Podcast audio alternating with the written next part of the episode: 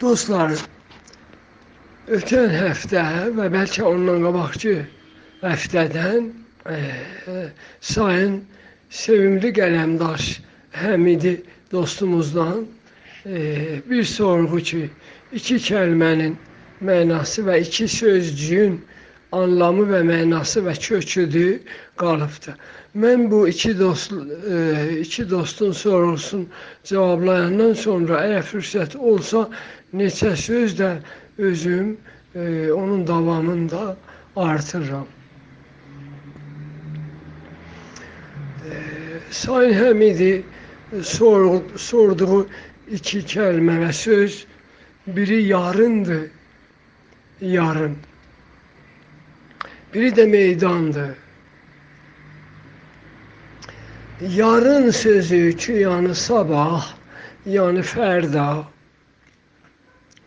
e, kökü yardı. Keçmişlərdə mən yar sözünü və onun e, ayrımlarını, müştəqqatını yani və əslən kolleksiyonunu, yəni diğer pazelini ki nişan verir. Yar kökü ve yar kəlməsi bir türkçü kəlmədir və onun mənası nisfdir, yəni yarı, yəni nisf. Mən onu keçmişlərdə açıqlamışam. Amma bir ötəri ona yenə də baxırıq üçün bu yarın sözü e, onun bir yeni müştəqlərindən və yeni ayrımlarındandır. Dostlar, yar sözü ki, haman sevgi mənasında, e, yardım mənasında, kömək mənasındadır. Əslində nisf, yəni yarı. Mənası budur. Və e, örnəklər ki, mən gətirəcəyəm bütün örnəklərin hamısında bir ortaq məna var. O ortaq mənanın dalıcanıq biz etimologiya məcmuələrində. O ortaq məna e, kökün anlamını ondan çıxarırıq. Yar sözündən ayrılan və o kökdən olan kəlmələrdən elə biri də yarındır. Yəni nisf. Yəni məsələn bir gecə gündüz ki var e, o məsələn 24 saat onun yarısı. Yəni hər birində olsaq əgər onu deyirik ki, məsələn yəni gecədə olsaq deyirik ki, yarın günü, yəni sabah. Əvəsi o yarı, yəni nisf mənasındadır ki, bir gecə gündüzün yarısıdır. Bu yar kəlməsindən yarma kəlməsi ki, farsçada bəlğur deyilir və e, indi onu e, buğdanın yanı yarısı, yarma yəni buğdanın yarısı ki, onu e, qədim əl dəyirmanı ilə və sonralar da ayrı cihazlarla dartardılar və buğdanı biraz sındırardılar, sınıq-sınıq olardı. Ondan cürbəcür bişirimlər və cürbəcür aşlar bişirərdilər.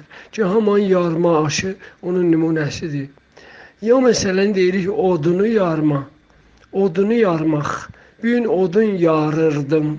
Yəni odunu iki tik eləmək, vəsətdən bölmək, yarmaq. Yarıcı ya yarıçı, yəni araçı iki savaş eləyəni bir-birindən ayırd eləmək, bir-birindən ayırmaq. E, ondan yarıntı, yəni təranişə. Dağlarda yol çəkəndə yarıb gedirlər, dağı iki yerə bölürlər, yarıntıdır. Ondan ondan sonra məsələn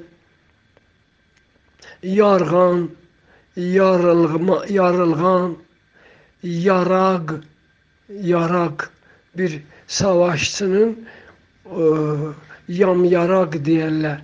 O savaşçının e, qılıncı, qalxanı və e, belə şeyləri ki, özünün yarısı hesab olur. Özünün yarısı hesab olur. E, yarılğan, yarğan ki sel gedər bir yeri bölər iki yerə. O tay bu tay uçurum halətində olar, ona yarğan deyərlər. Çoxdur. Bunlar çox-çoxdur. Fəqət neçəsini mən örnək gətirdim. Bir dənəsində axırın sonuncu örnək budur ki, yarasa deyərlər. Yarasa həmin xuffaşdır. Köyül quşu da deyərlər. Bu heyvanda e, bu təbabət və həkimlik elminin e, əsasında digərdisi ya təkamül nöqsanlı yetkinləşmə, yəni təkamülü naqis, yəni digərdisi olur. Bir dənə heyvan öz tarixi təkamül və prosesində e, ki, biri-birindən çox şeylər yaranıblar.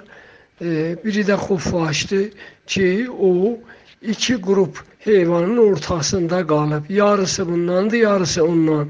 Məsələn, e, xuffaş Bilirsiniz ki, e, çöl quşu ya yarasadır onun adı. Həmin kökü yardır, yarasa. E, həm döşlülərdəndir, əmziklilərdəndir. Yəni döşü var, balasını əmişdirər. Bir sıçana oxşar, oxşarlı heyvandır və həm də uçarlarda, uçarlardandır. Qanatı da var uçarda. Yəni iki başqa e, çeşitli grup heyvanlardandır. Yani muhtelif grup heyvanlardandır ki e, biraz biraz da bundandır, biraz ondan. Yani yarısı bundandır, yarısı ondan. Bəs yar sözünün e, sözünün mənası yəni nisf və məna etimologiya mənasında da bir insan təhlilində naqisdir, kamil deyil. və anima animus sözü də elə burdandır. Fəlsəfə kökü var. Və e, bunu demək ki, yəni bir insan təhlikdən naqis, nüqsanlıdır, e, əhnəzdir, eybəcərdir. Və onda ola bilər ki, iki insan, iki bir erkək və bir dişi ya insanda qadın ola və bu ikisi e, birlikdə kamil bir şey olur, kamil bir e, mövcud olur.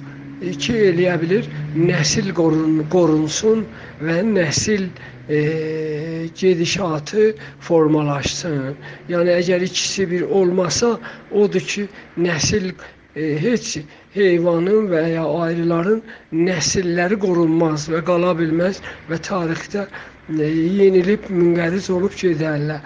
Odur ki, buna deyirlər yarım, e, buna deyirlər nisf, yəni yarımçıq. Hətta yarımçıq və yarımçılıq sözü də yenə elə həmin yar kökündəndir. Ki, burada bu buradan mən bir şeydə digər kələtə də artıram e, haşiyə kimin o da budur ki, e, belə bir e, puzzle və belə bir e, böyük kolleksiyonla biz eləyə bilirik deyək ki, bu kəlmə və yar kökü türkcə bir sözdür.